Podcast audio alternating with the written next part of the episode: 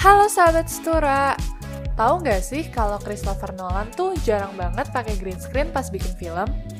Tahu juga nggak kalau lagu Latih tuh bercerita tentang toxic relationship? Nah, penasaran kan sama cerita-cerita yang ada di balik karya-karya yang udah dibuat? Dengerin terus bahas seni cuman di Suara Hati Manusia.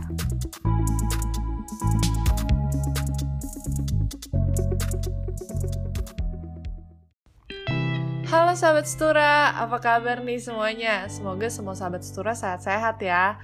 Kenalin, aku Jovi dan di sini aku ditemenin sama partner aku nih. Halo sahabat Stura, kenalin aku Dibar. Dan di episode kali ini aku bakalan nemenin Jovi nih buat jadi partnernya. Nah, hari ini kita berdua bakalan ngebahas salah satu drakor yang booming banget season satunya. Dan season 2-nya tuh udah dirilis di bulan Juli lalu. Iya, bener banget nih Jov. Bahkan dari judul podcastnya aja, kayaknya sahabat Stura juga udah bisa nebak ya kita bakalan ngebahas drakor apa hari ini. Ya, bener banget sahabat Stura. Hari ini kita akan ngebahas Hospital Playlist. Nah, sahabat Stura, kayaknya bukan hal yang baru lagi ya kalau misalnya kita tuh denger nih atau baca orang tuh bilang Hospital Playlist is one of the best heartwarming K-drama. Karena emang bener banget gak sih, Bar? Iya Jov, bener banget. Apalagi setiap episodenya tuh ngasih kesan tersendiri gitu. Ya entah itu sedih atau senang. Ada asam manisnya kayak nano-nano gitulah pokoknya. Hmm, bener sih, gue tuh juga bingung banget ya. Kenapa gak ada satupun episode yang gak bagus gitu loh. Apalagi season 2 episode 8. Gue tuh nontonnya tuh sampai tersentuh banget dan mungkin karena emang temanya tentang orang tua ya. Jadi tuh bawaannya kayak keinget ortu gitu, terharu. Iya Jov, bener banget. Gue juga sedih banget tuh nonton episode yang itu. BTW sahabat setura, awas, spoiler alert. Tapi tenang aja sahabat setura, hari ini tuh kita nggak akan ngebahas tentang episode-episode yang ada di hospital playlist.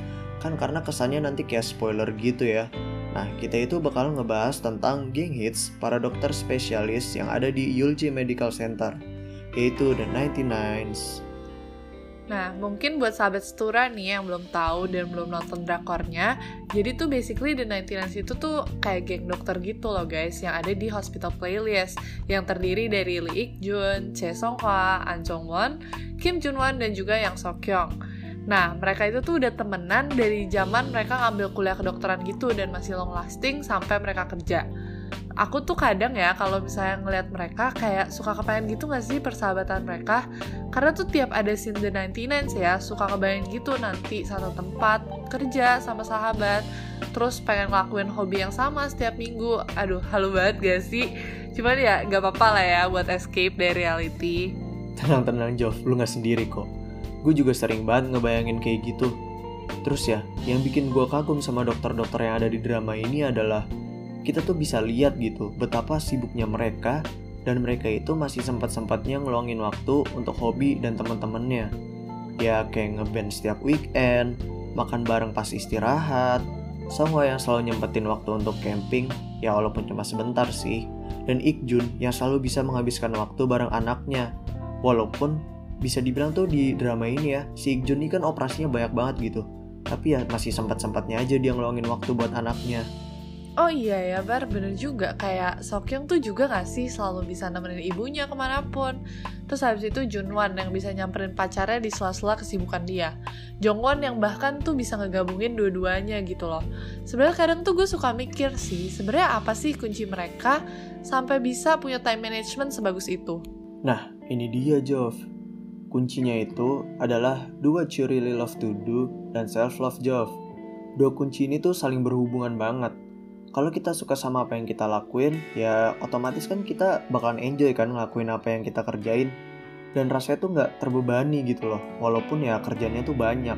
Kita tuh juga nggak bakal ngerasain kayak energi kita habis, malah kayak makin semangat gitu kalau ngelakuin apa yang kita suka.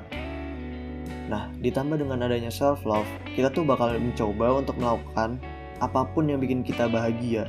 Iya nggak sih? Mau sesibuk apa pun diri kita, kalau kita memiliki rasa self-love, pasti kita otomatis akan mengedepankan kenyamanan dan kebahagiaan diri kita. gue setuju banget sih Bar. Terus kayak gue tuh juga jadi keinget gitu kalau contohnya nih kalau di cosplay ya bisa banget dilihat di karakter Songhua kayak di season 2 dia tuh bener-bener hektik banget jadwalnya. Mulai dari operasi jadwal rawat jalan ngebantuin tesis para dokter residen terus habis itu belajar dan juga camping. Tapi tuh dari itu semua gue tuh nggak pernah lihat dia kayak ngeluh gitu loh dan kayak dia emang suka aja gitu membantu orang suka banget juga sama pekerjaannya